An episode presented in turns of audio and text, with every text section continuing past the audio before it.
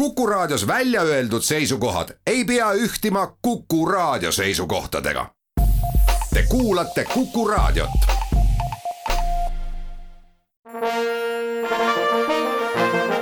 Vanemuise veerand.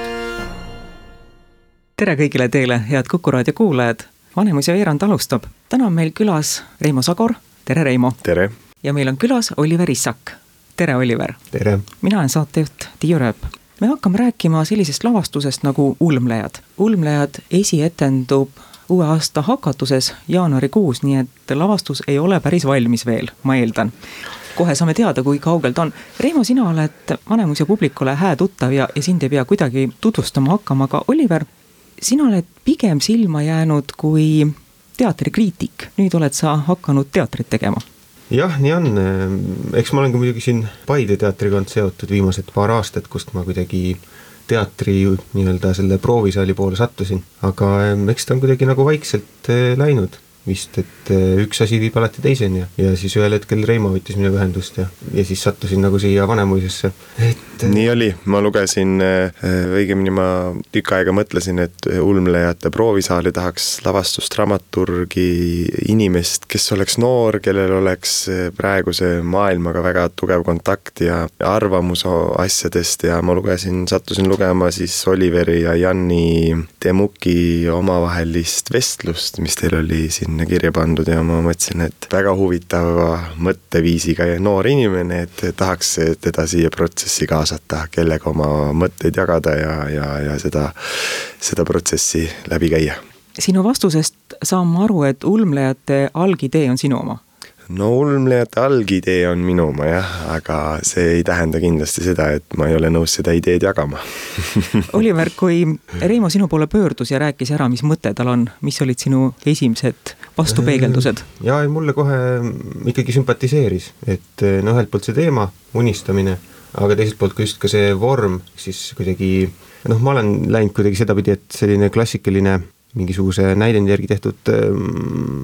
lavastus on, on tore, aga, aga just selline protsess, kus sa mõtestad seda tegevust üheskoos selle trupiga, kellega me kokku saame, hakkad kuidagi sedapidi liikuma, et see tundus ka väga sümpatiseeriv või, või selline teater, mida ma ise tahaks vaadata. mul endal on ka, et üks põhjus, miks või üks väga tugev ajend, et ma, miks ma tahan seda lavastust teha, ongi see ühine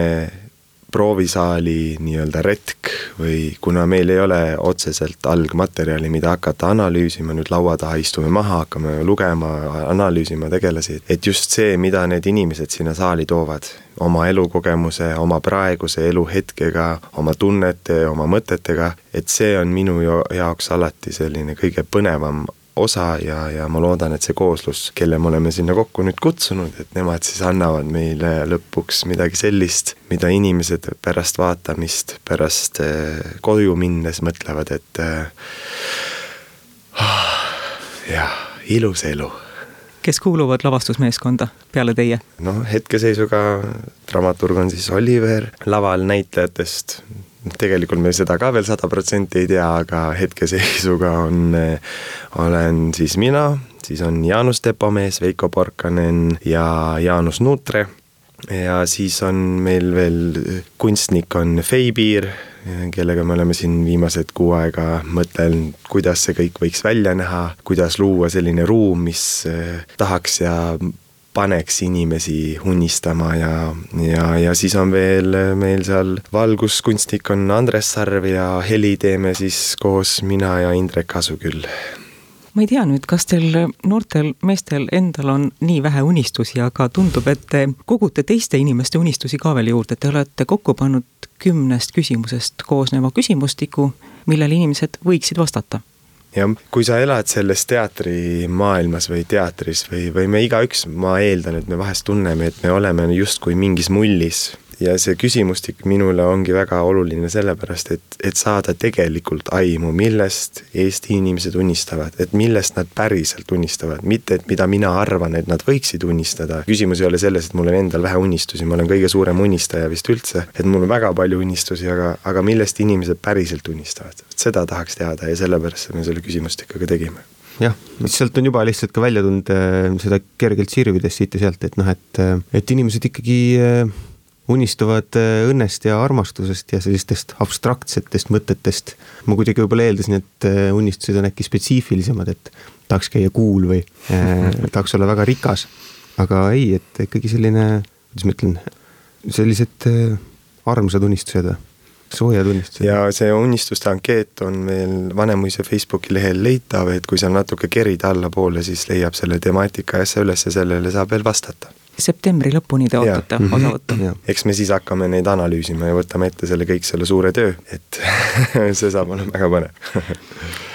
on selline ebausk, et kui oma suur unistus ära rääkida, välja rääkida, et siis on täitsa kindel, et see täide ei lähe. kui te olete sirvinud neid äh, küsimustikke, kuidas teile tundub, kas vastused teie küsimustele on täiesti siirad või on inimesed ikkagi silmas pidanud seda, et kui ma nüüd ära räägin või välja kirjutan, siis äkki mu unistus ei täitugi? No seda me ei tea, sest ma usun, et kõik inimesed ei ole ebausklikud ja ma väga usun, et väga paljud, kes vastanud on, ikkagi on teinud seda väga siiralt. vähemalt mulle tundub esialgu nii, noh õnneks ebausk ei ole ühtne asi, mis meie ühiskonda valitseb. ja tundub, et seal on jälle mingi selline tendents, et esimeste küsimustele kuidagi inimesed on tagasihoidlikumad ja kirjutavad nagu noh, kuidagi põgusamalt, aga et noh, mida küsimus edasi, seda on näha, et inimesed ka selle teemaga kuidagi, noh, et see teema läheb neile sisse, hakkavad seda mõtestama ja, ja kuidagi need viimased küsimused on just eriti sellised, tundub, et siirad ja sisukad. ma ütlen seda, et see oli ka jällegi üks ajend selle lavastuse loomisel, et või miks ma tahaksin seda lavastust teha ja hakkame looma seda, ongi see, et mulle tundub, et unistamine noh, inimestel julgus rääkida oma unistustest või sellises tänapäeva rütmis või sellises tänapäeva kuidagi väga ratsionaalses maailmas, mida me näeme, ma ei tea, kas või näiteks noh, poliitilises vallas või ükskõik kus, kus on selline väga kindel ja selge reeglite, piiride otsimine ja unistamine tegevus, mis justkui on väga laialivalguv ja mitte midagi ei ütle või selline kuidagi abstraktne ja, ja eesmärgitu mõnes mõttes, et või kuidagi niisugune mitte tulemust andev, mis tänapäevas maailmas nii väga tahetakse, et et see oli ka üks ajend, miks me neid unistusi hakkasime taga ajama ja mul on hea meel, et inimesed on sellega kaasa tulnud.